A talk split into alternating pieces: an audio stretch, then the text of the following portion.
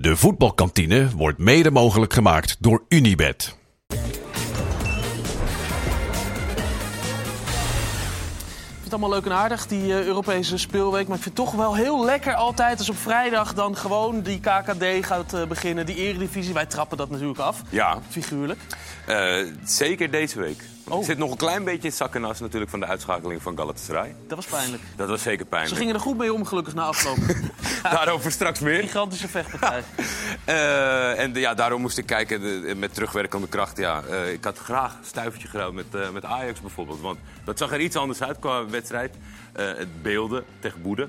Maar ja, uiteindelijk kan je dan wel winnen. Op die manier ook. Ja, iets anders dan Galatasaray het Ja. aanpakte. Maar je had graag Galatasaray en Ajax gewisseld in die... eh, nou ja, meer op, met die opvatting dan alsnog eh, als winnaar over de streep komen. Want laten we kijken naar een stukje van de kansen van Boede. Want het waren er niet weinig.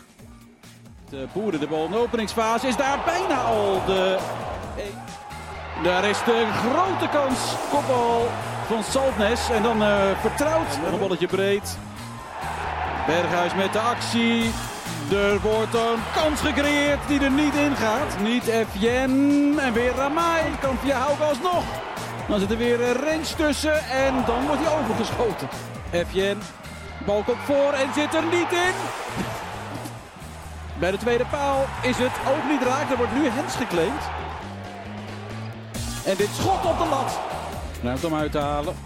En dat is weer de lat. Nu er volop. Hoek wordt lastig. Dus kappen. Zoegel, je legt breed. En dan is daar Ramai. De rebound zit erin. Het is voorlopig buitenspel. En daar is de kans inderdaad nog. Niet de geweldige paas. Ramai uit zijn doel. Dat is nu leeg. Maar Zoekelje. Berg. Hard. En weer de lat. Een beetje on-Nederlands, maar ja, Verfrissend wel een keer. Dat, het- dat het ook zo kan, toch? uiteindelijk telt het resultaat, hè? Daarom. Ze zijn gewoon door. Ze zijn door. Volgende ronde tegen Aston Villa, zelfde idee?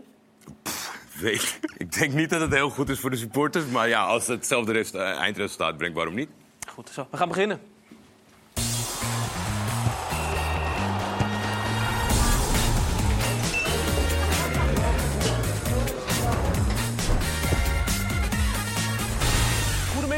Fijn, slim en vooral heel verstandig dat je weer kijkt naar een nieuwe uitzending van eh, de voetbalkantine. De kantine is zeer goed gevuld vandaag met eh, Twan van Huizen, een eh, voetballer die gestopt is en tegenwoordig traint voor slappe marathonbilletjes. We gaan straks horen hoe dat precies zit. En naast hem zit Kees Luiks, een analist van Champions League niveau. Daar heb je helemaal gelijk in.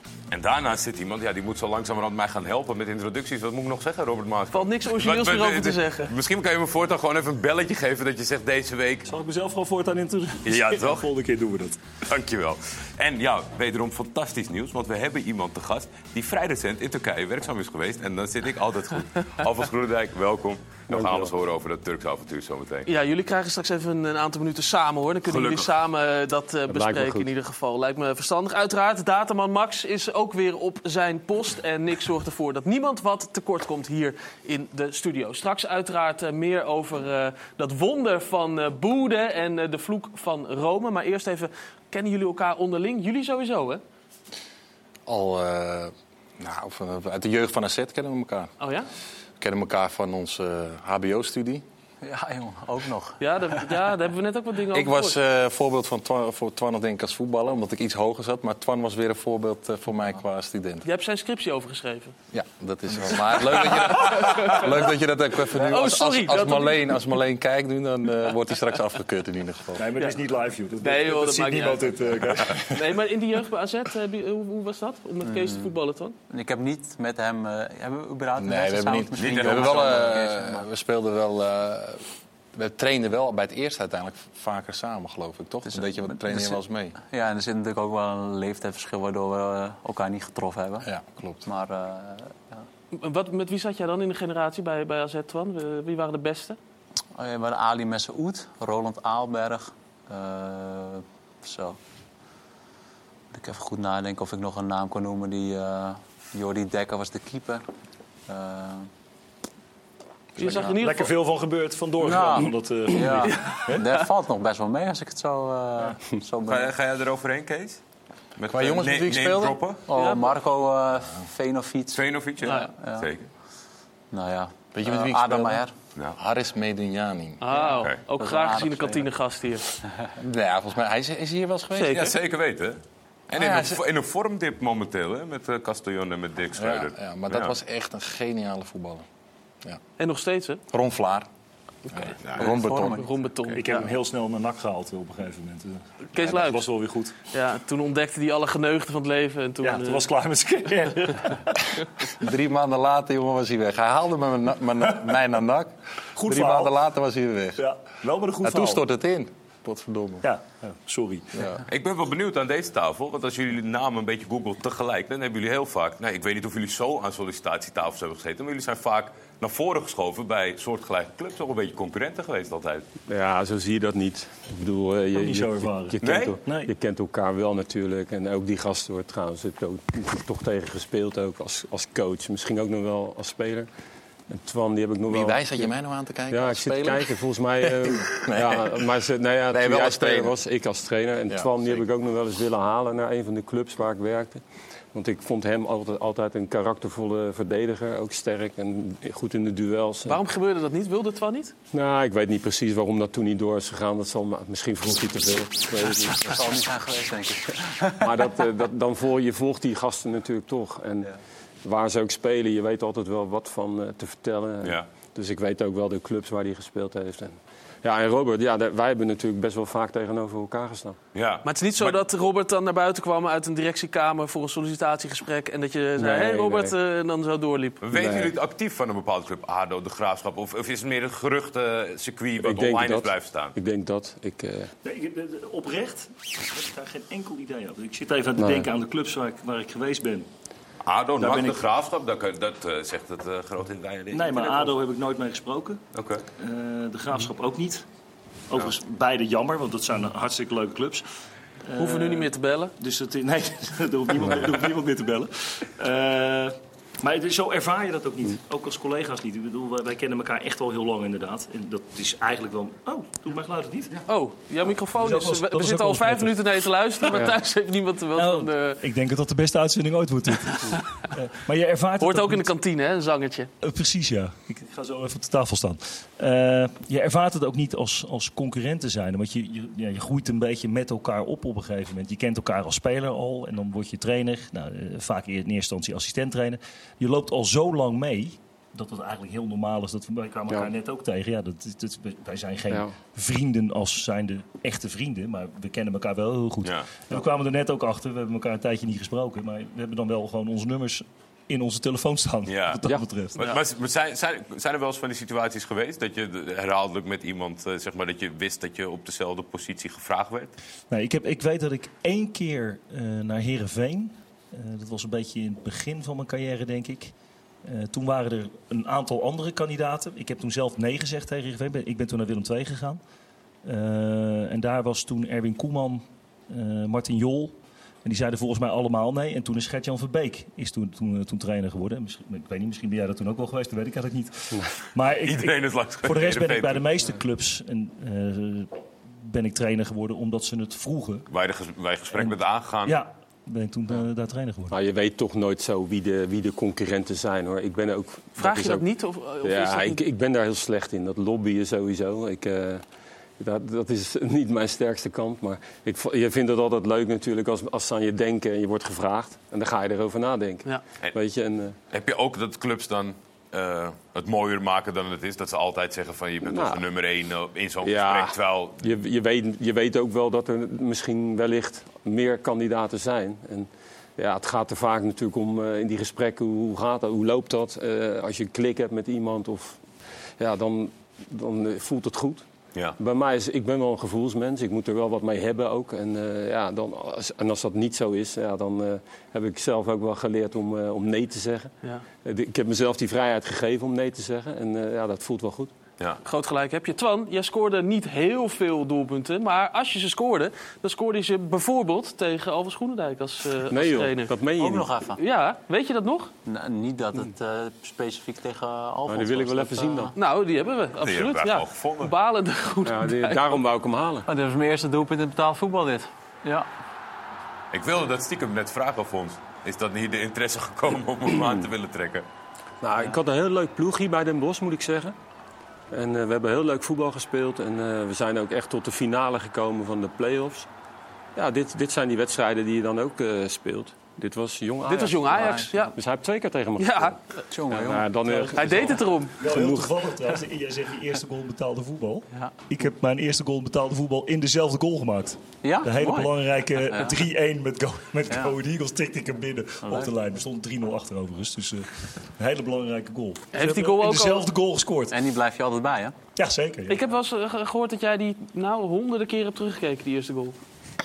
Eh, ja, ongetwijfeld. Het is natuurlijk gewoon iets wat je eh, als kleine jongen van droomt. En niet zozeer dat je dan Telstra je eerste doelpunt maakt, maar wel gewoon je eerste doelpunt in het betaalde voetbal. En als je dat dan, eh, je samenvatting, die ga je dan gewoon lekker een aantal keer terugkijken.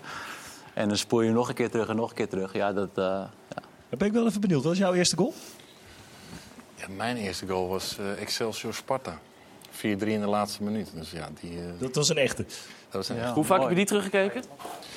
vaak. Ja? Zeker, ja, dat is wel echt En genieten. jij, Fons? Ja, dat was gelijk een hele bijzondere. Want ik, eh, ik was 18. En toen werd ik opgesteld al in, eh, in de FC Den Haag. In het eerste. En eh, drie goals gelijk bij Helmond uit. 4-4. En eh, drie goals. Hoe oud was die- je toen? Eh, 18. 18. Maar die zijn niet... Ruime, ruime winnaar hier. Daar, zijn geen beelden, van- daar zijn geen beelden van. Maar ik heb, wel, ja, ik heb nu best wel een hoop wedstrijden gespeeld ook. Ik heb 20 jaar gespeeld bijna. Dus ja, op een gegeven moment dan zit je ook wel aan de 500 wedstrijden natuurlijk. En ja, ik heb er altijd van genoten.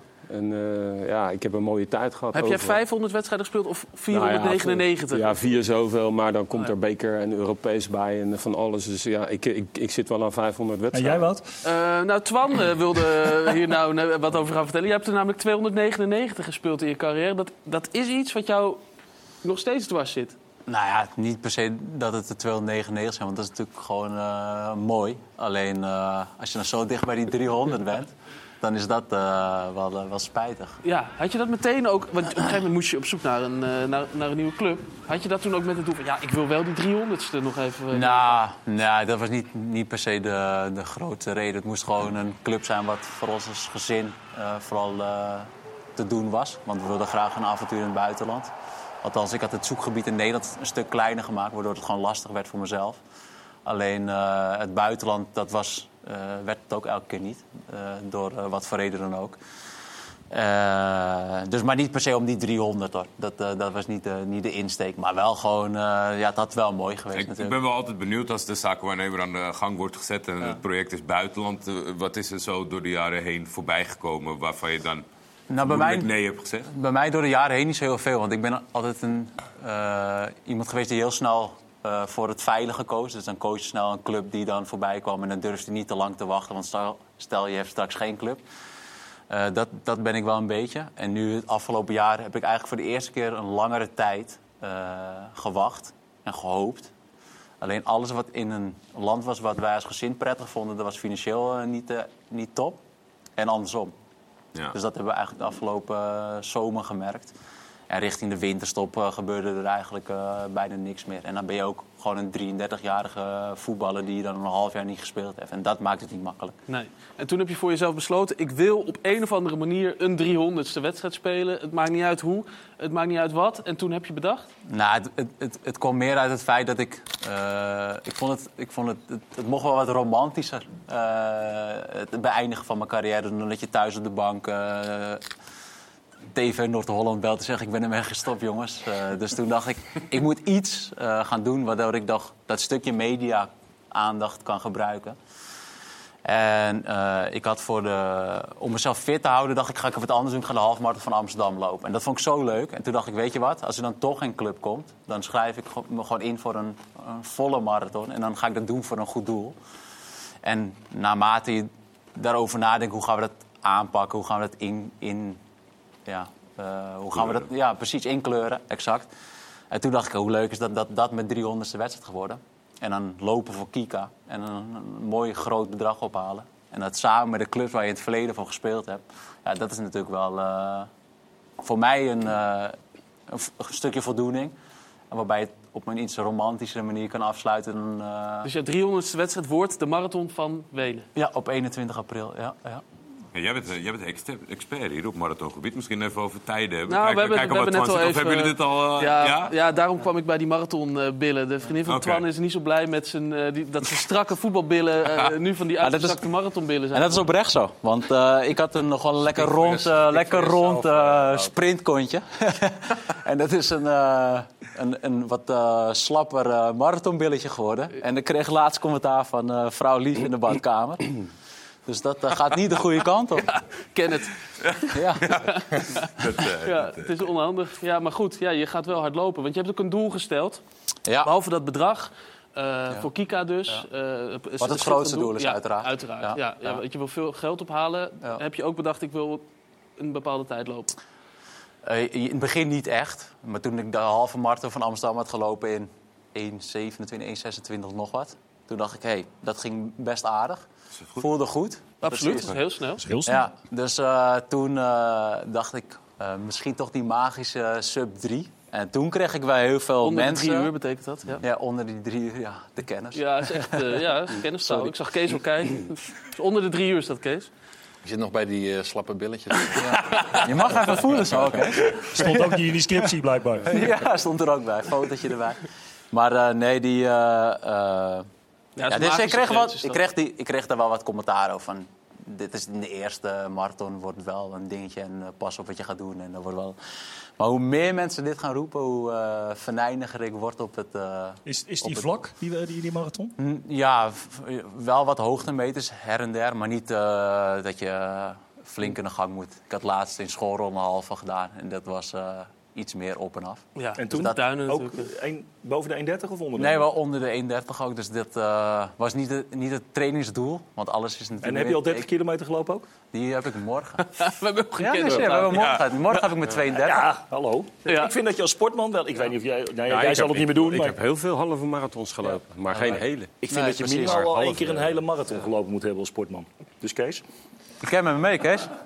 Ik moet er niet aan denken. ik zou echt niet weten waarom.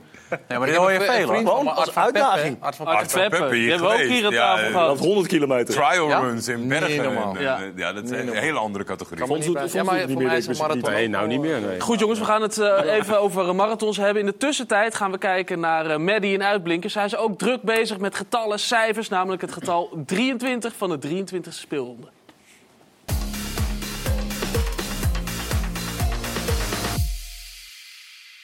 Het is alweer 23 februari en vandaag begint speelronde 23. Dus laten we vandaag het getal 23 eens centraal zetten in uitblinkers.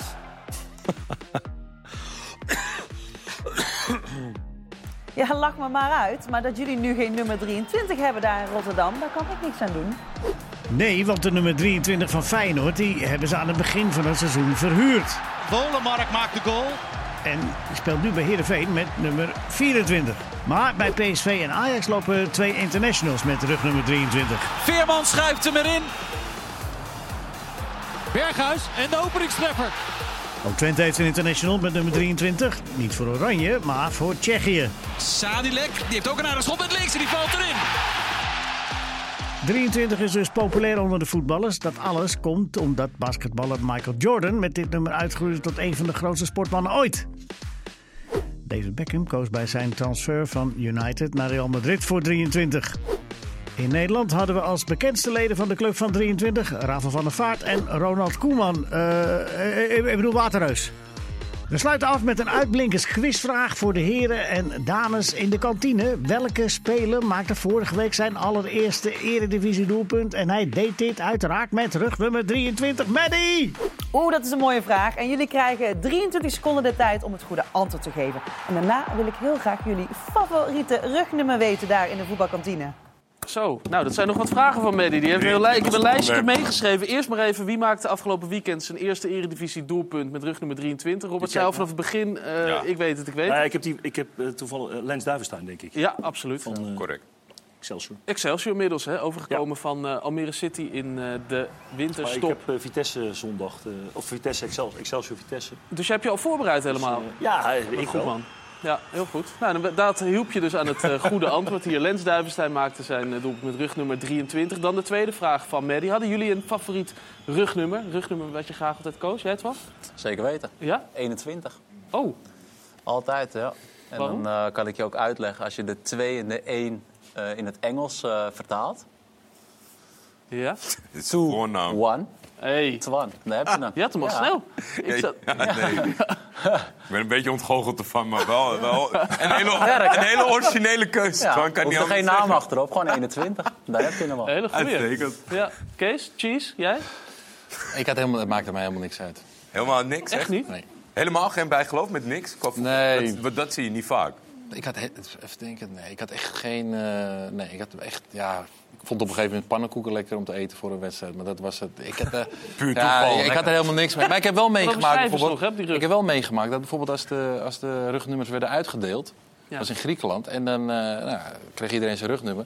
Nou, de halve kleedkamer in rep en roer, hoor. Ja. Omdat ze allemaal gepikeerd waren over... ik moet dat nummer, ik moet dat nummer. Vaak een dingetje, Het is ja. een wisselnummer. En eh, dacht ik echt, jeetje, je moet gewoon, je moet gewoon gaan voetballen. Ik ben wel Weet je? meteen benieuwd. Fons, jij hebt te Ja. maken mee gehad met Nou ja, jongens ik die heb, trokken ik heb veel met acht gespeeld. Toen, toen had je nog gewoon 1 tot en met 11 Ja. hè, in onze tijd. Maar toen, later werd dat vrijgegeven. En toen heb ik ook nog een aantal jaren met 20 gespeeld. Vond ik wel een mooi nummer.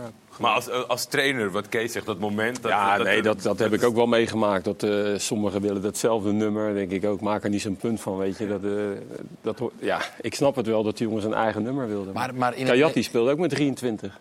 Ja. Ja. die moest je echt niet aan een ander geven. Dat, waren- dat, dat was gewoon voor hem, punt. Maar had je het in Nederland meer dan in het buitenland, dat soort gevallen, of andersom? Of maakte dat niet eens van? Nee, dat maakt niet zo heel vaak.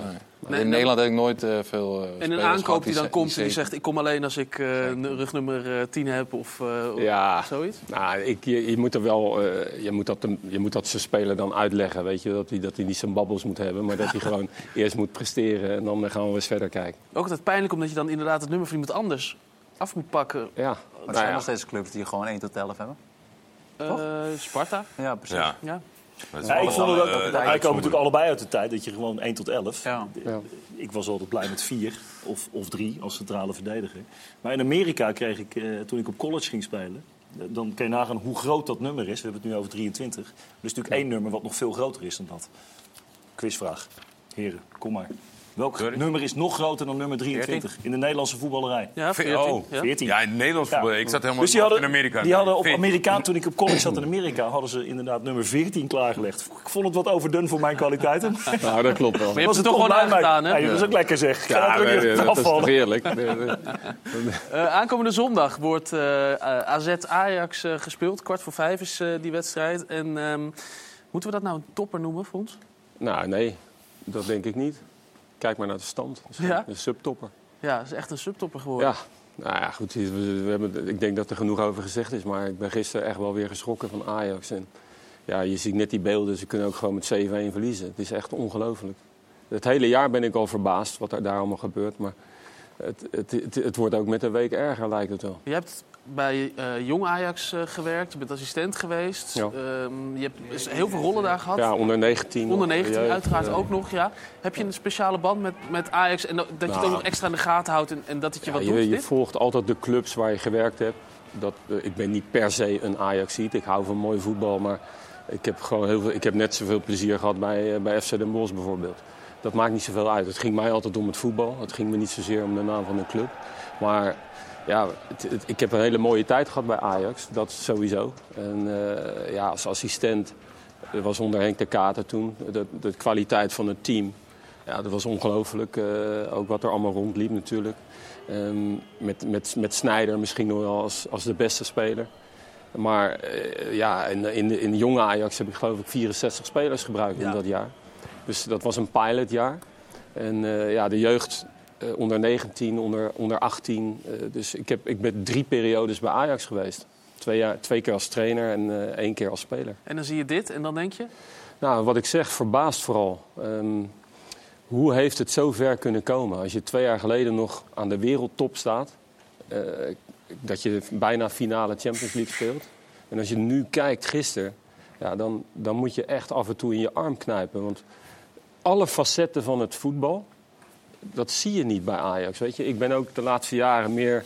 eh, ja, het, gaat mij niet zozeer om spelsystemen, meer om spelprincipes. Al die principes zie je niet.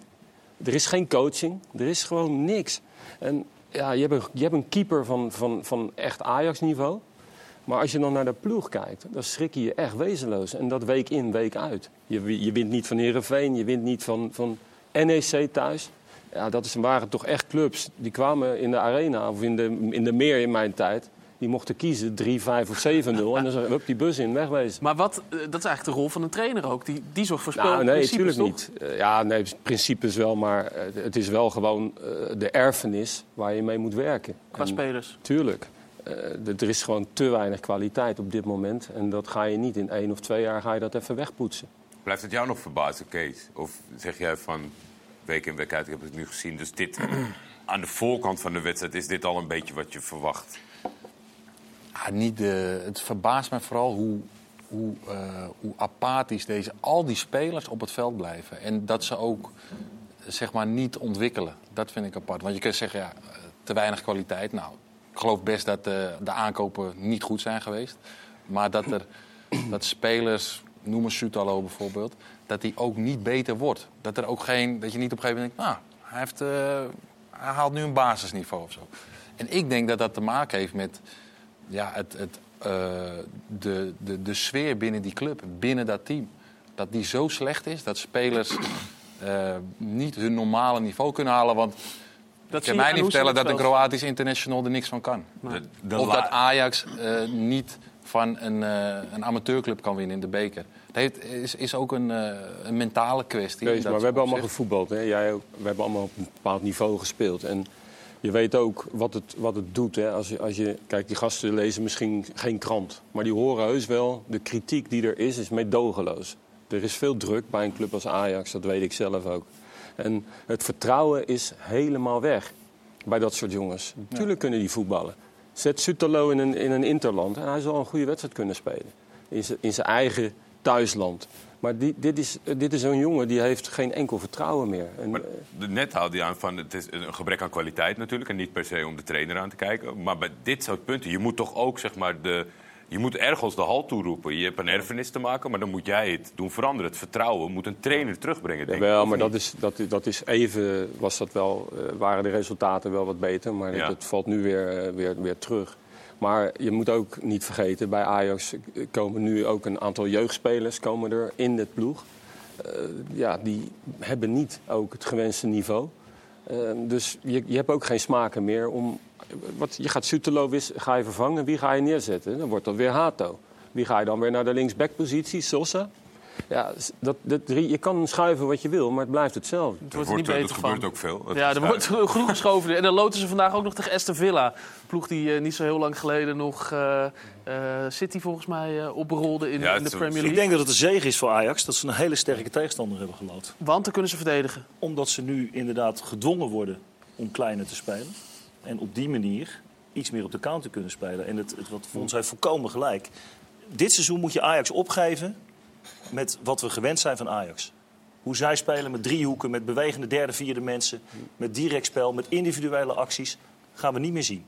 Dus dat houdt in dat Ajax, als ze punten willen halen... en het grote verschil tussen waar Maurice Stijn nog niet in slaagde... was natuurlijk punten halen. En waar John van Schip nu wel in slaagt, is dat ze wel winnen. Hè? Want ze staan nu in één keer wel eh, in concurrentie met AZ voor die vierde plek.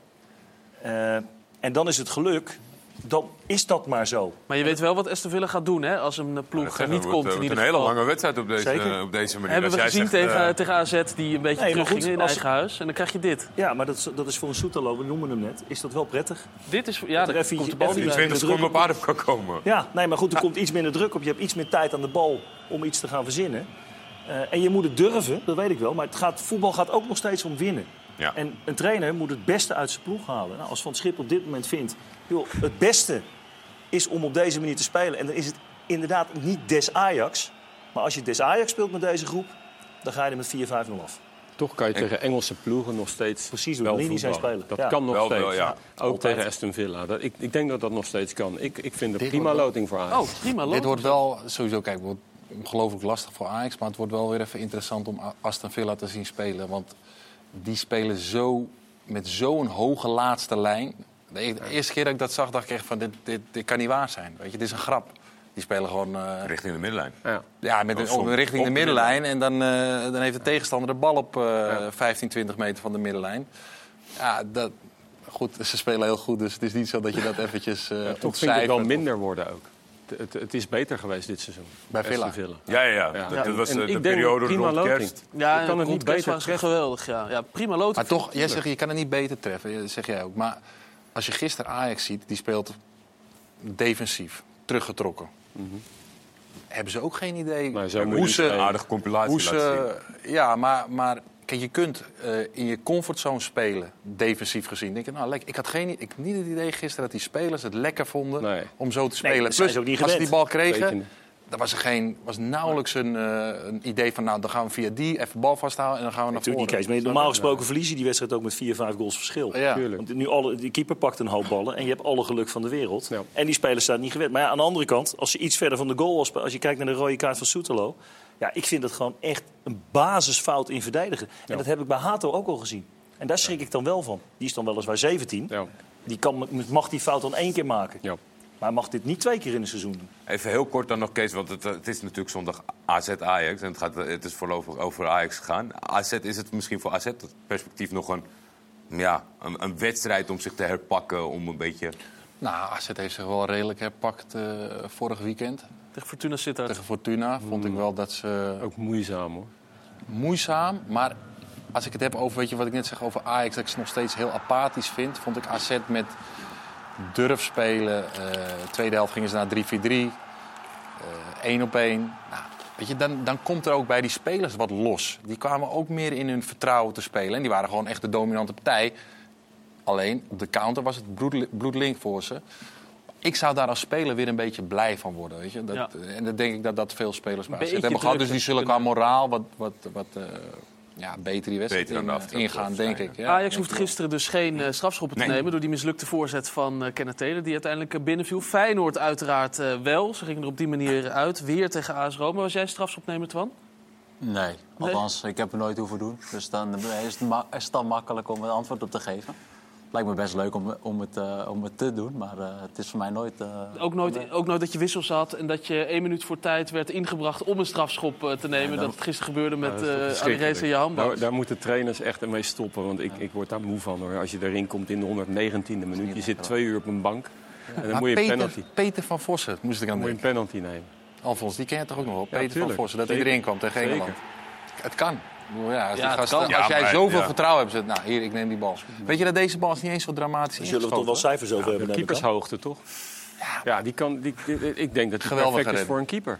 Robert Maaskant, jij bent eh, je aan het afvragen of het eh, een goede zet is van een trainer om Nou ja, ik, voor ik- tijd... het lijkt mij dat dit te vangen is in data. Ja, nou, zullen we eens kijken of het, Ja, of het zin heeft? Nou hebben we toevallig ja. iemand aan de bar zitten. Hij is er. iets gevangen, Dan ben ik benieuwd. Kijk, applaus, dat is eh, heftig.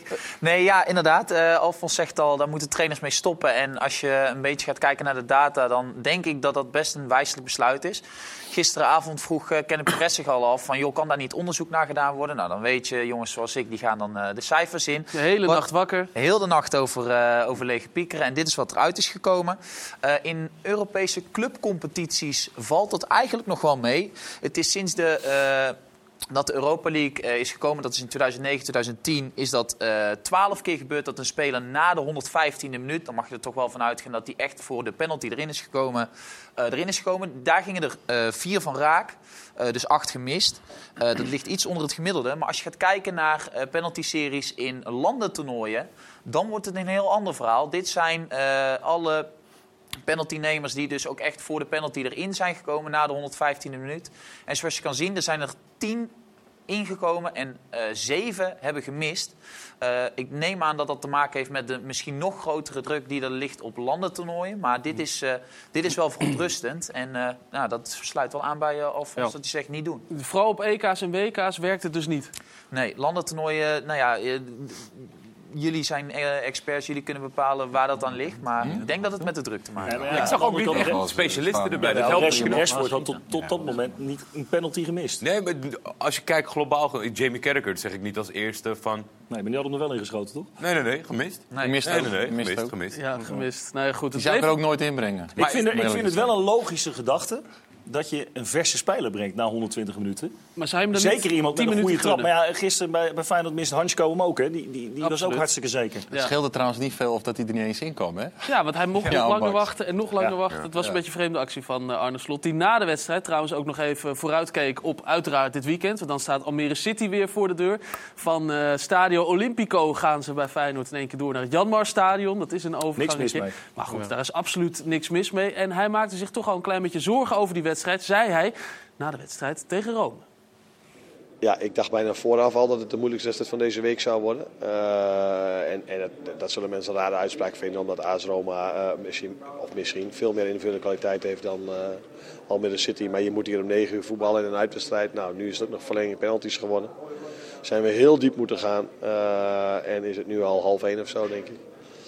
Moeten we de vlucht nog hebben en dan moet je tegen Almere, wat, dat, wat dit zo'n heel goed seizoen draait. En die denk ik heel veel zin hebben om tegen Feyenoord te gaan spelen. En dan is het ook nog eens dat we om half drie spelen. Omdat elke burgemeester eh, dat niet later wil, omdat de Feyenoord supporters, terwijl ze al volgens mij de laatste jaren zeker in Nederland nooit voor problemen zorgen. Maar goed, eh, wij kunnen dan helaas niet eh, later spelen. Dus dat betekent dat het eh, een stevige uitdaging ook weer gaat worden zondag. En we zullen morgen overmorgen zien wie er klaar is om te spelen. Robert Maaskant, waarom zit jij met een grote glimlach te luisteren naar Arne Ja, Slot? Arne is natuurlijk een meester in tussenzinnetjes.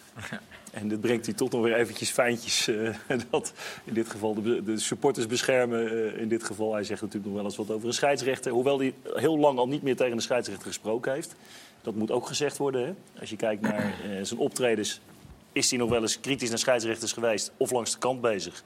Maar dan is hij al een tijdje in Nederland, heb ik dat al een tijdje niet meer gezien. Oké, dus alleen na afloop heeft hij nog opmerkingen Hij heeft af en toe gewoon filijne tussenzinnetjes. En ik begrijp hem als coach, begrijp ik hem heel goed.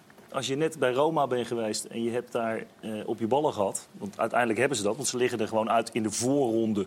of in de tussenronde, Tussenronde, tussenronde, Europa League. Ja, dat is geen groot resultaat. De Leek zegt half drie, kwart voor vijf. Alfons, is dat, is dat het verschil Ja, wat, wat je zegt eh, lekker als Ja, trainer? tegenwoordig eh, telt elk uur. Oké. Dat is zo. En ja, goed. Daar zullen we misschien ook wat over kunnen vinden, inderdaad. Nou, maar ik, ja, ik, ik geloof er zelf, in zekere zin, eh, gelo- geloof ik er niet zo in dat die twee uur nou het verschil maken. Maar Wel een zijn speeldag, maar niet op de dag Ja, zelf. maar het kan uur. ook s'avonds om acht uur, hè, tegenwoordig, kan op, tegenwoordig eh, zondag. Dus dat, dat scheelt dan misschien wel weer net Ja, even een is het uurtje, wel vier, zo vijf. dat de programma's al aangepast worden. Hè? Dus ze spelen de ploegen die of Europees spelen... Ja, zeker. Worden, al rekening gehouden dat ze tegen elkaar spelen... of ze spelen tegen een tussen haakjes wat mindere tegenstander. Nou ja, normaal gesproken is de promovendus die tegen Feyenoord speelt... mag geen probleem zijn voor Feyenoord. Straks gaan we het hebben over eh, de periode in Turkije van Overs Groenendijk. Maar uiteraard ook over de eredivisiedroom van Twan van Huizen. Want wat had hij daar graag gespeeld? Is dit een vogel? Is het een vliegtuig? Nee, het is Twan van Huizen die een bal keihard binnenkopt. We zijn zo bij je terug. Heel graag. Tot zo.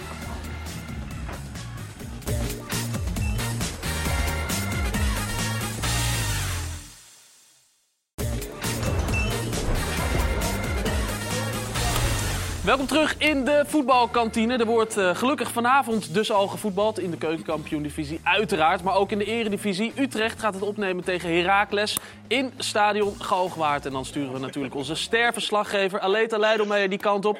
Aleta, je bent er helemaal klaar voor, zie ik. Hey, goeie, goedemiddag. Eh, nou, bijna. Zoals je ziet, eh, hier worden de laatste puntjes op de i gezet wat betreft het uiterlijk. Straks moet het natuurlijk gebeuren op het veld hier in uh, Galgenwaard. We zitten nu in de kantine van een ROC, van een mbo-opleiding, onder de Bunnickside. Nou, daar hebben we net gegeten. De regisseur die maakt zich klaar. Kijk, wat zee. Dus dit is een beetje tot nu toe de sfeer. Het is natuurlijk nog best wel rustig hier. Maar straks weer helemaal uitverkocht. Sowieso de Bunnickside, want Utrecht leeft. Met eh, die 14 eh, wedstrijden ongeslagen op rij. Het record dat is gebroken. Het record wat eh, ruim 30 jaar oud was. En eh, Ron Jans die zegt zelfs de grootste azijnzeikers in Utrecht... die lopen nu met de borst vooruit en die zijn nu positief. En dat allemaal door, allemaal door die gewonnen wedstrijd in de Grolsvesten. Ja, dat was voor Ron Jans natuurlijk dubbel zo mooi. En voor FC Utrecht eigenlijk ook wel. Want Twente uitverslaan, dat hadden ze nou ja, halverwege dit seizoen eigenlijk nog niet durven dromen. Ron Jans zei toen ook... We gaan meer doelpunten maken, sowieso in thuiswedstrijden, dan afgelopen seizoen. Ja, dat uh, lijkt uh, ook zeker te gaan gebeuren. Want uh, ja, FC Utrecht heeft het helemaal op de rit, is vol vertrouwen. Dus het belooft een leuke vrijdag te worden voor iedereen die van FC Utrecht houdt. Ja, en voor de mensen die van Heracles Almelo houden? Eh, nou ja, misschien eh, ook wel. Althans, die hadden vorige week natuurlijk eigenlijk gewoon een hele valse wedstrijd tegen PSV. Die kregen na 13 minuten al een rode kaart. Limbombe kreeg toen rood. Ze zijn nog in beroep gegaan tegen die schorsing. De schorsing was drie, waarvan één voorwaardelijk. Nu is het tweede wel, waarvan één voorwaardelijk. Dus Limbombe is er vanavond eh, niet bij. Ja, dat is natuurlijk wel, wel zuur voor Heracles. Vooral omdat dit een hele discutabele rode kaart was volgens hun ook. Ja, dan speel je eigenlijk een oneerlijk duel. Erwin van der Looy was na afloop niet eens ontevreden over van alles. De keeper was natuurlijk ontzettend goed. Dus eh, die zal vanavond ongetwijfeld ook wel getest gaan worden. Maar ik kan me voorstellen dat ook hij eh, een hoop vertrouwen heeft overgehouden aan de wedstrijd van vorige week tegen PSV. Ook al verloren ze het. Het wordt een mooi duel daar eh, in Utrecht, Aleta. Eet nog even je broccoli op, zou ik zeggen. Want dat zagen we echt wel, dat je dat had laten liggen. En dan ben je er helemaal klaar voor. Heel goed. Oké, Keurig. veel plezier daar. Je bent er klaar voor. Dankjewel. Doei. Ehm, Max, we hoorden iets met cijfers voorbij komen. Eh, Het aantal doelpunten in eigen huis. En dan draai ik me toch altijd even om. Klopt dat allemaal? Zeker. Nou ja, Ron Jans die, eh, werd begin september aangesteld. En hij zei, ik ga één belofte doen. En dat is dat we meer doelpunten gaan maken in de Galgenwaard eh, dit seizoen dan vorig seizoen. Hij zei ook, eh, ja, dat was niet zo moeilijk, want vorig seizoen maakten ze er veel te weinig. Nou, in pre- om precies te zijn waren het er vorig jaar 22. Eh, inclusief Toto, KVB-beker en play-offs van Europees voetbal. En eh, nou ja, dit seizoen hebben ze er inmiddels al 18 gemaakt sinds de komst van Ron Jans. Dus de goal eh, onder Rob Penders die zit hier niet bij. Drie in de KVB-beker. En dat maakt 21. Dat houdt in dat vanavond eventueel al de belofte van Ron Jans in eh, vervulling kan komen. Dus ze staan al bijna gelijk qua doelpunten. Hoe zit het qua het aantal wedstrijden dan? Want het zijn Ja. er wel een stuk minder, denk ik, onder Jans. Dat zeker weten. Vorig jaar waren het dus 19 thuiswedstrijden. En dit jaar eh, zijn het er pas 10. Dus eh, wat dat betreft heeft Ron Jans het heel goed voor elkaar. Dus hij had grote praat, maar hij maakt het ook waar. Hij, eh, ik was eh, afgelopen eh, donderdag bij hem en hij zei... nou, het is ook wel eens leuk dat een keer een uitspraak van mij wel uitkomt. Wat deed je bij Ron Jans? Om hem hierover over te vragen. Oh, oké. Ik denk je, toevallig, je komt Ja, het ja, tegen. ik- ja, je weet het voorzichtig niet. met jou en, Ron Dat vind ik Jans. toch wel leuk, hè? Want eh, ik ga daarna ook direct relativeren. Maar je ziet wel ook echt het verschil tussen een hele ervaren coach... die veel gezien heeft, die de eredivisie door en door kent... en die dus met Utrecht gewoon op een gegeven moment gaat presteren.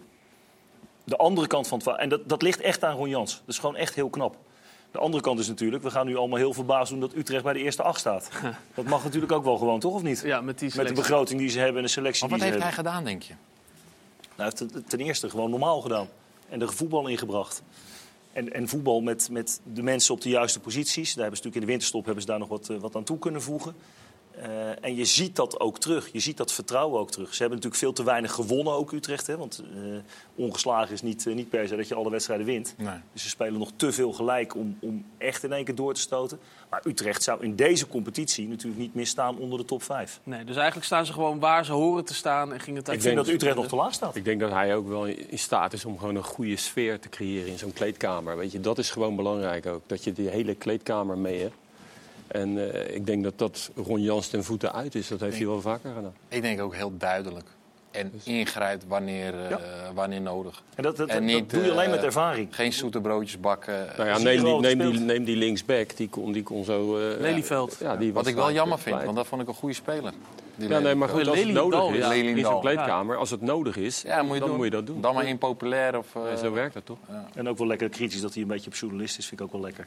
Ja, dat is heel goed. Ja. Kan- Maar met name van die vervelende Ja, journalisten. hè? precies. Doet hij goed, ja. Het is nu, tijd, het is nu tijd voor... eh eh Jordi is het eh, zijn blokje. Ja, die, die Jordische blokje. Kletsen Maar, over Turkije. Daar ga je voor ons. Wij gaan even, wij gaan even wat drinken, jongens. Een periode Ja, van je twee, eh, ja, seizoenen erop zitten bij Antalyaspor. Ja. En dan als eerste wil ik graag weten, als kijker van de competitie... wat was nou de definitieve rolverdeling tussen jou en Nouri Sahin? Nou ja, ten eerste, toen hij me belde, toen hebben wij een paar gesprekken gehad, videocalls. Hij, eh, hij volgde de Nederlandse competitie. En hij, hij- toen hij gevraagd werd, hij speelde nog. Ja. En hij eh, werd eh, head of football, werd hij. Hij werd baas van de hele club eigenlijk. Dat was best wel voor hem een grote stap. Eh, hij, hij kende mij eh, ook eh, vanuit mijn, de jaren bij ADO. Ja. Dus vanuit de 18e positie toch omhoog naar, naar zevende play-offs Europees voetbal. Hij wist dat ook. En we hebben een paar leuke gesprekken gehad. Hij kwam op mij via Michael Lindeman, die, die zat daar al. Nou, hij zei ook, ik, ik heb heel veel vrienden die dit graag willen doen. Hij zegt, maar ik wil jou hier naartoe halen. En ik zeg, nou ja, ik vind het ook wel, het lijkt me wel leuk. Hij maakte mij head coach, dus hij was eigenlijk de grote baas. Maar we hadden ook een hele grote staf. En die mensen moesten ook aangestuurd worden. Eh, wat me opviel bij hem, hij had heel veel opgestoken van trainers waar hij mee gewerkt had. Dus onder gespeeld heeft. Dus van Mourinho tot eh Klopp. Klop, Tuchel. eh, Tuchel. Hij, alles, hij heeft heel veel dingen ge- opgeschreven.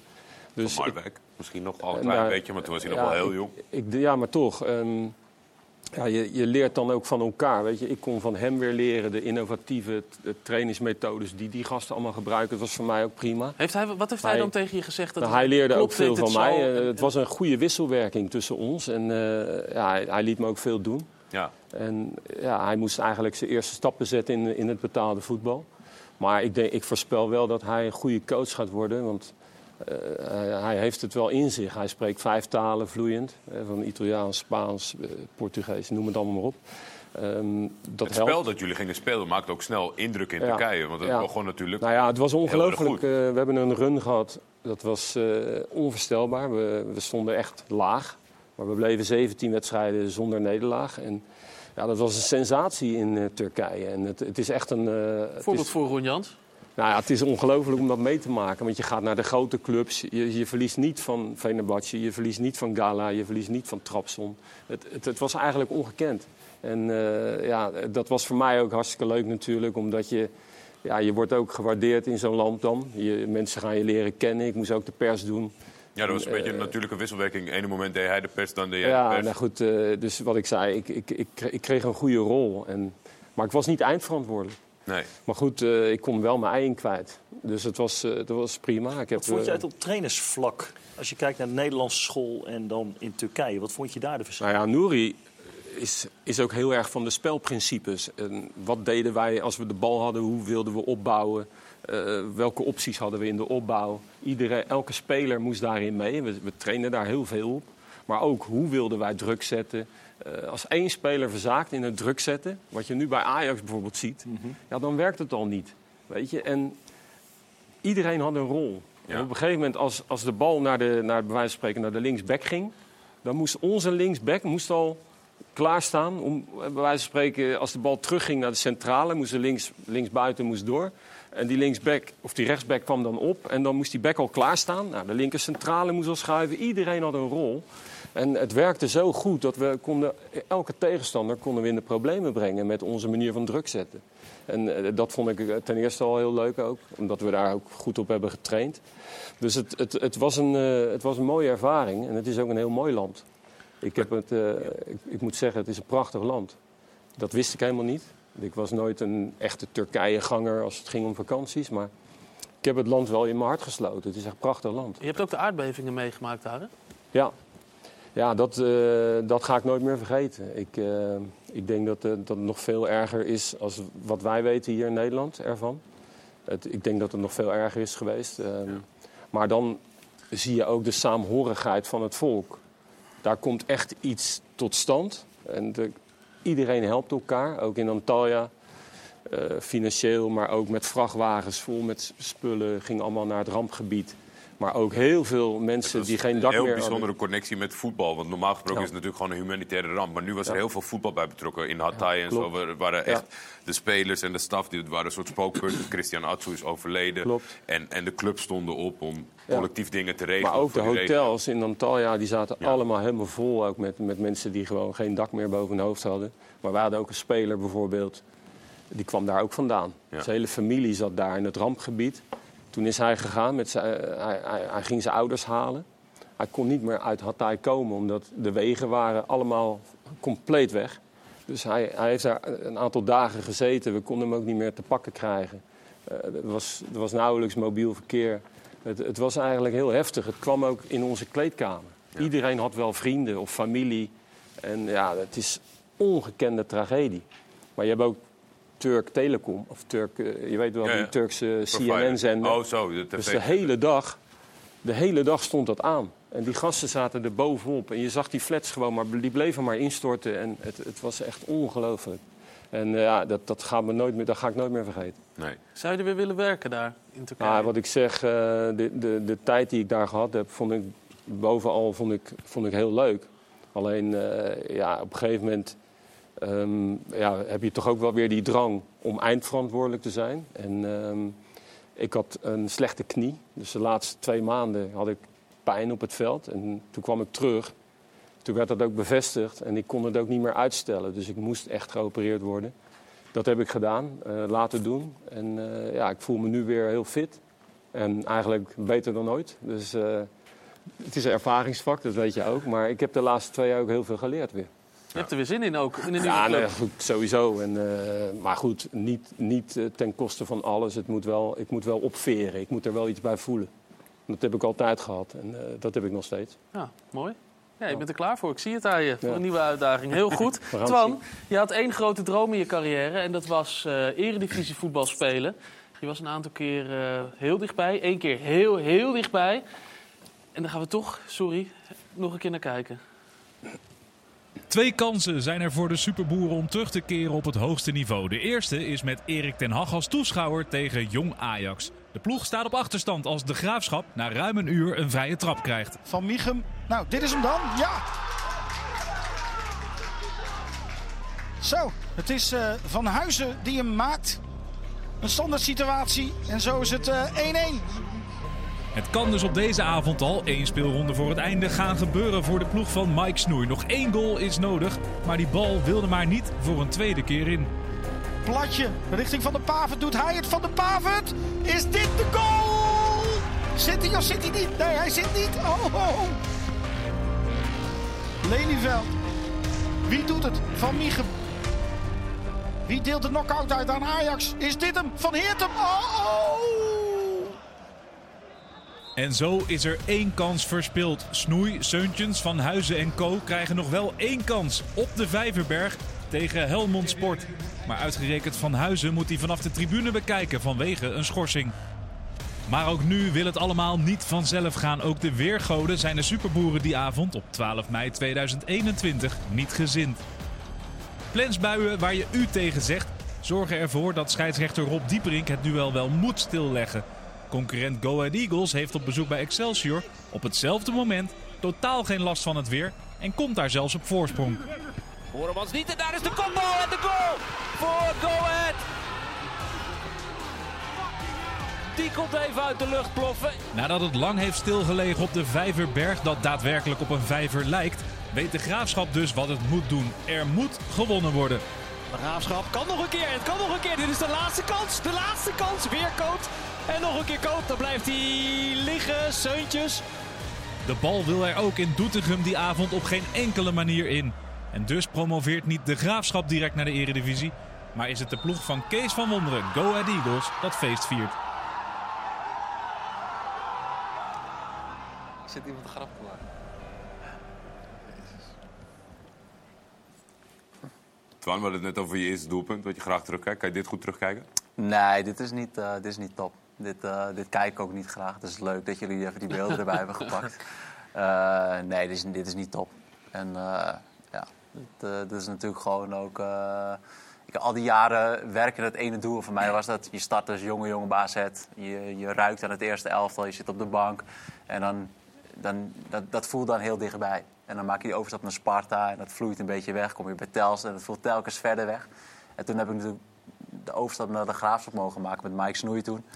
En, dat, eh, ja, en dan ben je er twee jaar zo dichtbij geweest. En dat is dan wel pijnlijk. Om die jaren ervoor heb je er gewoon hard voor gewerkt. En bij Telstar eh, weer eh, omhoog krabbelen. Dat is als verdediger, ik wil niet zeggen onmogelijk, maar je moet er wel wat voor doen. En als dan dit dan het lot is, twee keer achter elkaar, dan is dat wel, eh, wel pijnlijk. Hoe was die laatste wedstrijd, die tegen Helmond, die thuiswedstrijd? Toen was jij geschorst. Jij Ja. zat, Weegt dat je zwaarder? zat op de tribune. Weegt dat zwaarder voor jezelf? Dat je, dat ja, je hebt gewoon geen grip. Dus je zit op, een, op, een, op de tribune en je, je kan gewoon niks. Je kan je alleen maar hopen. En toen in de tweede helft kwam die enorme plensbui. Of in de eerste helft in ieder geval ook wel enorme plensbui. Ik heb nog nooit zo'n eh, heftige plaatselijke bui gezien. Het hele veld was blank. Eh, zelfs dat discussies waren van kunnen we doorgaan of niet. Na een uur kwamen ze weer terug het veld op. Nou, het was eigenlijk niet bespeelbaar meer, maar het moest, eh, moest gespeeld worden. En dan eh, heb jij hier her en der nog wel wat kansen. Een keeper van Helmond die volgens mij normaal gesproken niet keept. Die keepte de, weer, de, de wedstrijd van zijn leven. Maar goed, ja, dit is natuurlijk niet lekker als je op de tribune zit. En eh, je ziet dit soort kansen eh, Ja, voorbij komen. want het- behalve dat het ging om promotie naar de Eredivisie, hing er nog iets anders af voor jou. Ja, ik, ik had mijn contract eh, verlengd onder voorbehoud van promotie. Want eh, eh, we hadden best wel een groep met de ervaring en veel oudere spelers. Dus we wilden wat van oudere spelers af als ze in de, in de KKD bleven. Alleen ik had dus al een eh jaarwoord op mijn contractverlenging. Eh, onder voorbehoud van die eh, promotie. Dus het hing ook mijn mijn contractverlenging hing er aan, eh, aan, eh, aan vast. Dus dan de wedstrijd die je zelf niet speelt, daar je dat is, contractverlenging dat is- vanaf. Ja, dat is natuurlijk wel eh, ja, ja, niet lekker. Ja, ja. Toch denk je daar niet aan op zo'n moment? Nee, op zo'n moment niet. Want het was gewoon oprecht. Je, je- het, het eerste wat je aan denkt is gewoon het feest wat je gewoon een keer mee wilt maken. Gewoon zo'n promotiefeest en gewoon een keer de eredivisie. En nogmaals, eh, misschien zal de ene roepen van eh, hij is niet goed genoeg voor de eredivisie. Dat maakt mij dan niet zo uit. Ik wilde het gewoon ervaren. En eh, eh, dat is dan ja, nu dan niet eh, gelukt. En dat is wel gewoon, dat voelt nog steeds wel als een pijn. En, Ben je eh, gek, man. Je hebt zelf ja, wedstrijden betaald. Is wel zo. Ja, maar jij weet toch wel, het zal- ik, ben- ik heb dat ook. Er zijn toch seizoenen in je carrière of momenten die zullen altijd traumatisch blijven. Heb je dat niet? Ik heb Nee, het wel sterk. heb echt wel eens... ik heb iemand, eh, Ja, een club een keer een trauma bezorgd. ik wou maar... ik denk, Nee, ik maar bijvoorbeeld- je moet het zelf zeggen. Maar bijvoorbeeld voor die gasten van AZ, weet je, die hadden, er zijn gewoon gasten die zijn nooit kampioen van Nederland dat is geworden. ook zo, maar ik en vind niet Twan dat heeft dat met de En eredivisie. ik snap wel dat, dat dat een droom is, maar als je zoveel wedstrijden in betaalde voetbal hebt gespeeld, moet je dat daar ook niet dat gevoel van af. Nee, dat, en dat is wel goed dat je het zegt. Ja, Je moet hebt wel op weegschaal 300 Nou, je hebt wedstrijden een KKD. hele mooie carrière gehad. Zeker, maar het, grappige is dat je altijd natuurlijk... eh, ik denk ook als je Eredivisie speelt, wil je daar weer stappen. En dan Nee, heb je dat weer niet bij. Dus uiteindelijk, eh, ja, die Kijk, je, doelstellen... we hebben allemaal wel eens momenten. Ik, bedoel, Precies. ik ben wel eens gedegradeerd en gepromoveerd. Exact. Ook als speler Ja, trouwens. ja. En ja, weet je, dat, tuurlijk je, dat, dat neem je mee. Ik ben nooit Ja, gedegradeerd. Maar, maar, niet? Ik heb dat Jij trauma, nee, dat trauma waar, waar Kees het over heeft. twee zo een beetje bij Waar Kees het over ha- Toch heeft, concurrenten? Dat, dat was ik ook onderdeel van. Want bij Ajax was ik toen assistent. En, en wij Bij gingen op Oh, uit. ja, ja, en wij, wij misten dus op één goal ook de kampioenschap. Geert en Oude, die tijd ging rekken in de hoek. Huntelaar, ja, die ging tijd. 2-0, 2-0. Huntelaar een stiftje en die blijft op de lijn liggen. ook. Ja. Als zijn wij gewoon kampioen. We hadden er alles aan gedaan, maar jullie wilden niet... Dus, eh, eh, ja, weet ik. Ja. Het heeft niet aan Kees gelegen in ieder geval. Ja, wat, we hebben het nu dan over die 299 wedstrijden die je hebt gespeeld. Komt er dus nog eentje bij in ieder geval. Wat was nou je mooiste daarvan? Eh, ja. Ehm, ik denk dat ik uiteindelijk één mooiste week niet uit mijn hoofd. Eh, wat ik wel heel mooi vond, waren de, de, de, het begin bij de graafschap. Dat vond ik echt heel mooi. Dan heb je bij Telstar al jaren gespeeld met heel veel liefde ook. Want dat was, dat daar heb ik ook heel veel plezier gehad. Alleen dan kom je in een volle vijverberg en dat, dat, dat voelde gewoon weer wel echt Met lekker. publiekspelers is wel leuker, hè? Echt, ja, echt oprecht. Dat is wel echt lekker. En dan, volgens mij in mijn hoofd scoorde ik de eerste wedstrijd een kopdu- kopbal eh, bij MVV uit. En de tweede werd ik eh, man of the match in de thuiswedstrijd bij de Graafs. Dat zijn wel momenten dat je dan al die jaren hard voor gewerkt hebt. En dan wel weer heb je je beloning. En dat, is dan wel echt, dat, dat voelde wel weer echt even lekker. Ik denk Ja. Dat dat wel echt mooie momenten zijn. Je, dus je hebt niet één echte mooie Ja, kijk, periodetitels, ik, ja, heel eerlijk. Ja, dat zijn dan van die dingen, dan ga je weer verder. Dan heb je een goede periode gehad, maar het zegt Te weinig veel. tijd voor een feestje? Ja, ook dat. Het is gewoon lekker om af en toe ook gewoon... Ik denk dat het gevoel wat je soms krijgt bij zomaar een losse wedstrijd... dat dat gewoon, eh, gewoon het opkomen bij een wedstrijd... waar de Vijverberg vol zit met, met, met een mooie sfeeracties... Ja, dat, eh, dat vind ik kicken. Ja, we hebben zelf ook Jij even... vond deze? Want Ja. jij hebt alle 299 gekeken. Ik heb ze even terug zitten kijken. Ja, maar het ook. gaat, Ja, ja. het gaat me vooral om, wat was je hier allemaal aan het doen? Je Ja, dacht, dat is ik, mooi. Of, eh, Ik gun de of mensen een wat. hele... Ik vond het sowieso... Ik, ben altijd, ik vind het wel leuk om met de benen de lucht in te gaan. Dat heb ik altijd al gehad. Hoe je vindt het werd leuk om met de benen te Ja, doen? dus dat, Kan, eh, gewoon kan normaal. uitgelegd worden. Ja, dit was wel, eh, wel een bijzondere wedstrijd daarin. Ik had, eh, was, ik denk de laatste wedstrijd van het seizoen. En er was een speler bij ons die had zijn kruisband eh, eh, gescheurd. En die had de rug nummer 5. En ik zou mijn vijfde doelpunt maken. Dus ik had een nummertje 5 op mijn shirt voor hem Oh, gedaan. is, we zagen inderdaad... Ja, dat, Precies. Dus dat, eh, en ik heb er alles aan gedaan in die wedstrijd om te scoren. Ja, Nou, dat je ziet dat we. eh, met uh, koprol en al. Alleen eh, uiteindelijk ging hij er wel in, niet meer normaal. Maar eh, dus die, eh, dat was wel, eh, wel, eh, wel leuk. Ja. Lekker man. Toch nog in ieder geval eh, je beste wedstrijd dan. Misschien niet je mooiste. Nee, niet mijn best wedstrijd. Maar dit zijn wel van die leuke. Dit zijn van die samenvatting dingen. Normaal gesproken als verdediger kom je niet heel vaak in de samenvatting. Dit zijn die dingen die. eh, Gewoon met je benen omhoog af en toe, Twan. Zo is het. Eh, straks dan zijn we bij je terug en dan gaan we voorspellen. Want we zijn heel benieuwd wat er allemaal gaat gebeuren. Dit eredivisie weekend in ieder geval. En Alfons en Twan gaan ons dat haar fijn uitleggen. En uiteraard is Mark van Rijswijk er ook over de Nations League van de vrouwen. Heel graag, tot zo.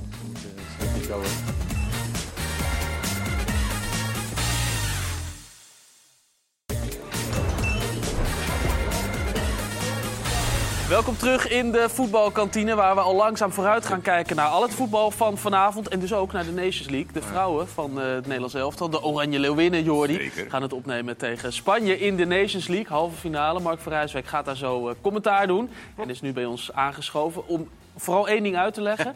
Hoe zit het nou met Olympische tickets, eh periodekampioenschappen, eh, doorgaan, Het is best ingewikkeld, Ja. maar als je het eh sec bekijkt, is het goed te doen. De Nations League, daar hebben ze de Olympische tickets aan gekoppeld. Er zijn twee tickets te verdienen bij, via de Nations League. Dus de twee finalisten van de Nations League gaan naar de Olympische Spelen. Wij spelen nu de halve finale tegen Spanje. Andere halve finale gaat tussen Frankrijk en Duitsland. Maar nou weer het toeval dat Frankrijk als gastland ook al is geplaatst. Dus er zijn twee tickets te verdienen. Maar als Frankrijk zich plaatst voor de finale, heeft de andere finalist een ticket. Frankrijk heeft al een ticket. En dan blijft er dus een ticket over. En dan wordt het dus interessant. Want als Nederland dus verliest van Spanje.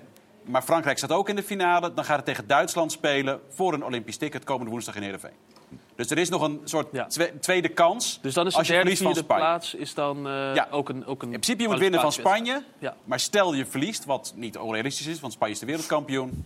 Dan moet je maar hopen dat Frankrijk wint van Duitsland en dan heb je herkansing. Een beetje per ongeluk, maar er is toch het probleem rondom de finale voor de verliezers is opgelost voor het eerst ooit. Dat die ergens om gaat. Ja, het is heel Misschien. Het, het kan een wedstrijd zijn die om. De hele, die, die wedstrijd eh, in Heerenveen kan daadwerkelijk de finale van de Nations League natuurlijk gewoon zijn.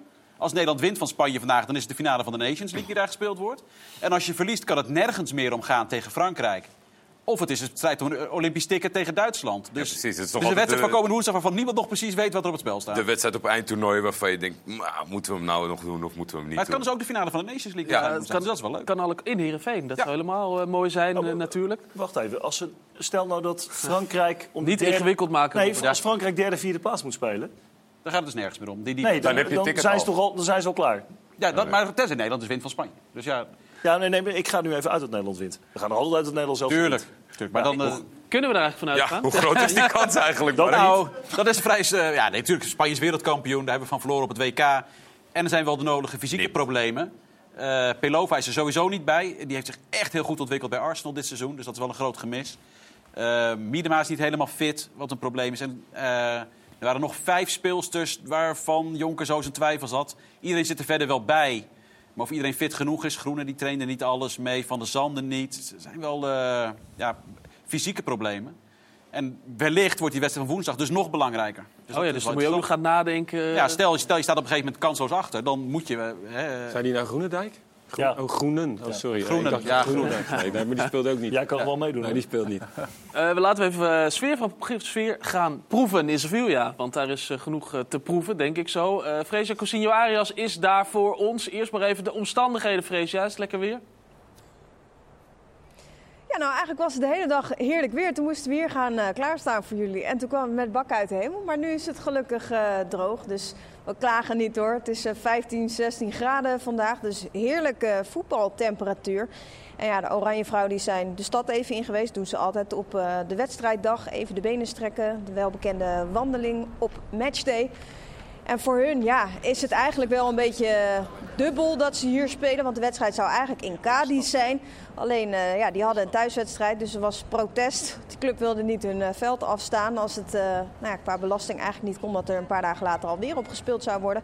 En dus is de wedstrijd in Sevilla, hier in eh, dit stadion. Maar ja, leuk dat je zegt sfeerproeven, maar echt sfeer is er nog niet... want ik ben vooralsnog eh, bijna de enige. Oh, maar blijft het ook zo of ko- komen er wel nog wat mensen kijken? Ja, ik moet heel eerlijk zeggen, het leeft niet echt in Spanje, de nationale ploeg. We zien natuurlijk in Nederland dat de Oranje Vrouwen super populair zijn. En dat we merken dat het clubvoetbal een beetje achterblijft. Het begint een beetje te komen. En in Spanje is dat eigenlijk andersom. Eh, Barcelona is ongekend populair. Die verkopen de wedstrijden uit. Hebben natuurlijk ook de Champions League gewonnen. Maar dan heb je het echt over soms 90.000 toeschouwers. Eh, bij uitzondering natuurlijk wel. Maar dat is wel het record. Ja, wat betreft de nationale ploeg zit dat eh, rond de 16.000. Vandaag worden er zo'n 12.000 verwacht. En ik vraag me dan af, halve finale van de Nations League staat de Olympisch ticket staat op het spel. Eh, je bent de wereldkampioen. Ik weet niet zo goed wat er dan nog moet gebeuren om zo'n stadion eh, wat voller te krijgen. Ondanks dat het eh, weliswaar verhuisd is. Er worden zo'n 12.000 mensen verwacht, maar er kunnen er ruim 57.000 in. Ja, het is niet echt de ambiance waar je op had gehoopt. Dat vinden Jonker en Brugs natuurlijk ook. Nee, ja, als het vol is. Als het vol is kan dat mooi zijn, maar dat wordt niet verwacht. Als hier 10.000 mensen zitten, is het natuurlijk leeg. En dat wordt wel verwacht, 10.000, 15.000 mensen. Ja, die maken dan in zo'n eh, leeg stadion, als die wat lawaai maken, dan klinkt dat ook nog hol. Dan klinkt het best wel hard. Maar het is natuurlijk niet de ambiance die je zoekt en ook niet de ambiance die deze wedstrijd verdient. Ik vind het ook wel jammer voor ze natuurlijk. Eh, als ik kijk naar mijn, mijn land, hoe wij het doen met de wedstrijden in Utrecht die helemaal uitverkocht zijn en in Tilburg, dan, dan geniet ik daarvan en dat gun ik hun ook. Dus ik hoop dat het eh, snel opgelost wordt. Want bij Barça dan geniet ik ervan als we in Montjuïc mogen spelen voor 40.000 man. En eh, ja, dat gun ik iedereen en zeker het vrouwenvoetbal. Nou, hopelijk eh, kan jij misschien, vrees jij even de straat op en nog wat mensen dan eh, proppen, hè, heet dat geloof ik. Ja, ik weet niet of ik daar geschikt voor ben, maar ik zal mijn best doen, Wouter. Dankjewel, Freesia, voor nu. Veel plezier. Ehm, ja. Mark. Vijf twijfelgevallen. Ik hoorde eh, Jonker ook al ergens zeggen van... eh, ja, ik, ik ben eigenlijk vooral afhankelijk van de medische staf. Die bepalen vooral de opstelling. Ja, er is al heel veel gegaan natuurlijk over de eh, fysieke toestand van, in het vrouwenvoetbal. De belasting van de speelsters. Roort is natuurlijk zwaar geblesseerd geraakt. Die heeft ook weer een kruisbandblessure, zoals zoveel voren. Ja, er komt weer een onderzoek aan. Daar gaan Bef Meet en Miedema gaan eraan meewerken. Die hebben ook allebei al een kruisbandblessure gehad. Eh, dus er wordt, komt wel steeds meer aandacht voor. Maar je ziet dat die belasting ja, dat dat toch een, groot probleem blijft.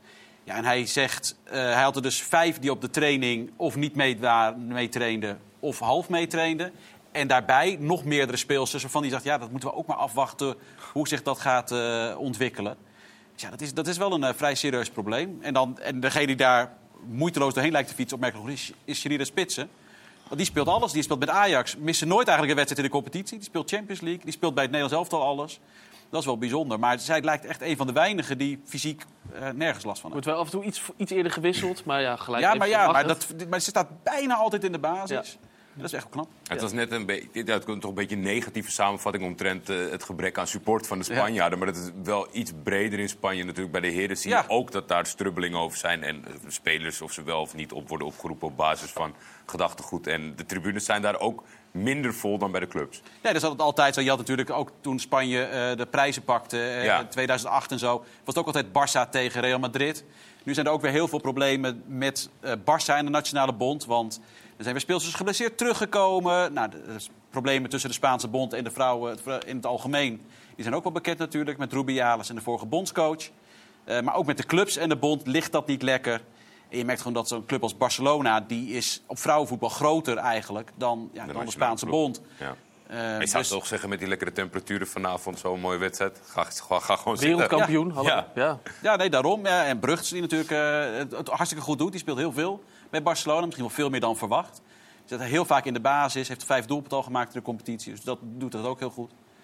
Ja, je zou zeggen, Martens komt langs. Er is, is genoeg om naar te kijken, ook voor de Spaanse voetballiefhebber. Maar blijkbaar eh, trekt het toch niet. Je hebt mooie dagen, Mark. Gisteren had je Boedoe Ajax. Dat was een bijzondere wedstrijd. En vandaag doe je dan dus eh, Spanje-Nederland. Ja. Mooi. Heel, eh, Net veel zo plezier. slot als tegen de Engelsen lijkt me dat heerlijk commentaar geven. Zeker, ja hoor. Nee, dat kon je, dat kon je lekker losgaan met Eguero Ja, toch? inderdaad. Ja, zeker. Fantastisch.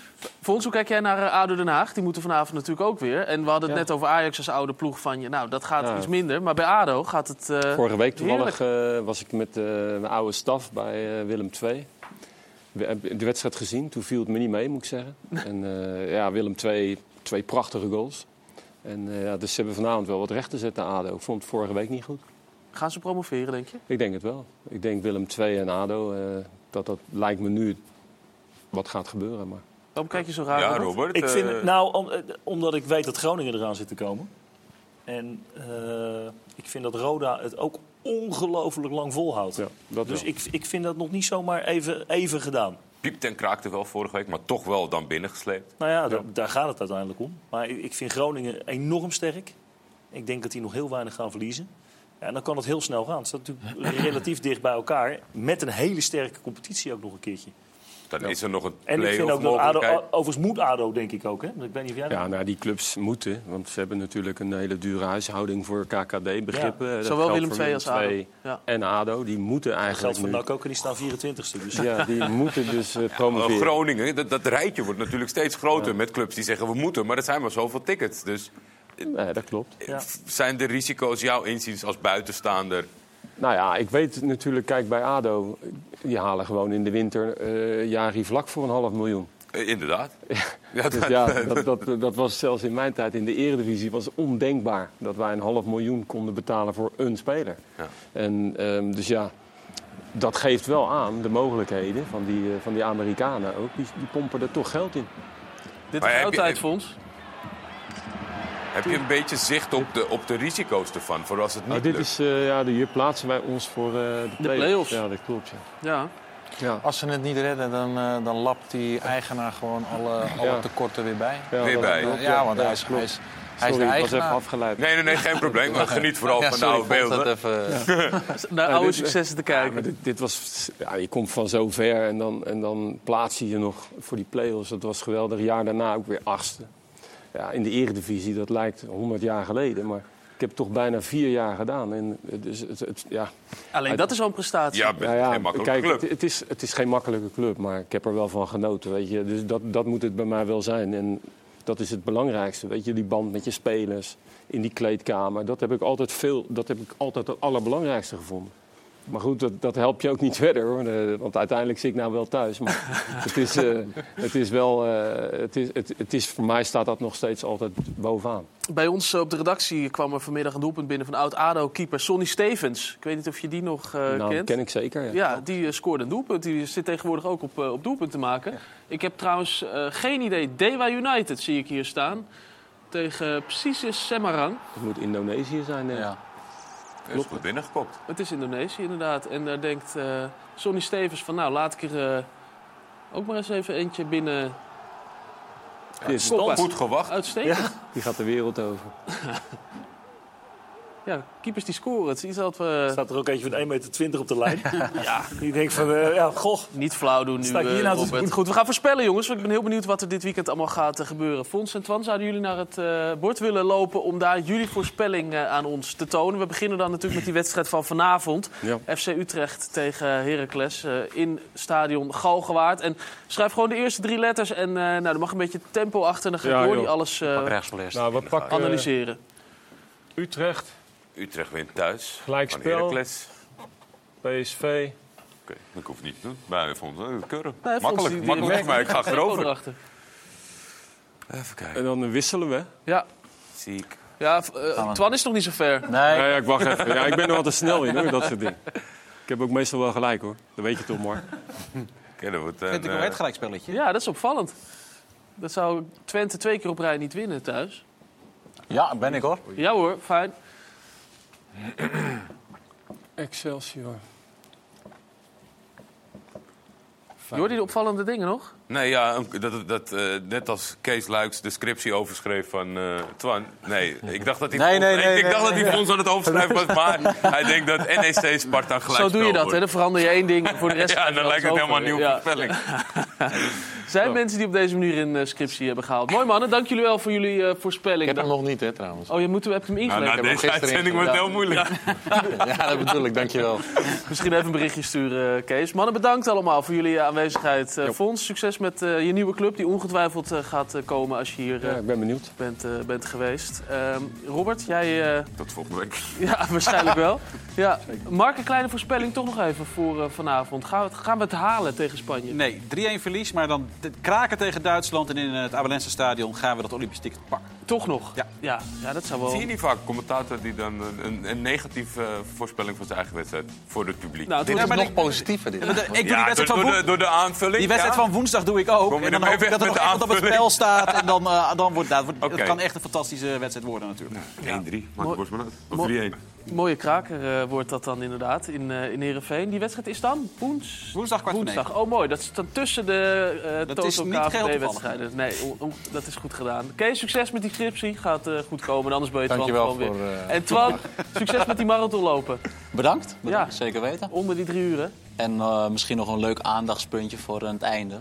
De mensen mogen natuurlijk doneren. Ja. Dat mag. We hebben ik- al de, de, de link Ik heb een heel mooi wedstrijdshirtje eh, geregeld. Dus de mensen boven de 250 euro die komen op het wedstrijdshirt terecht. Oké, hebben we dat shirt? eh, Ja, ja, laat maar even zien, hoor. Nick, laat tuurlijk. het shirt even zien. Kijk, trots op het shirt. Dat is echt heel gaaf geworden. De oude clubs van mij zitten erin verwerkt. Oh, Aan kijk. de onderzijde. En de hoofdsponsor, dus de, de hoogste donatie, die, eh, wordt eigenaar van dit mooie shirt. Kijk. Ja, collector Dat, site. eh, site ook. Is Zeker er echt weten. van. Ja, Zeker mooi eh, weten. Twan, zet hem op eh, daarmee. Dankjewel, Dankjewel. dat je er was. Bedankt voor het kijken ook. We zitten nog eh, heel lang hier op deze zender, want hierna ESPN Vandaag, daarna voetbal op vrijdag, daarna weer een ESPN Vandaag, voetbalpraat. pijnlijk, hè? We zijn er eigenlijk het hele weekend met schitterende wedstrijden afgesloten met die wedstrijd op zondagavond 8 uur. Volendam Heerenveen gaat hem zien. Hoe dan ook, mooie avond, tot volgende week.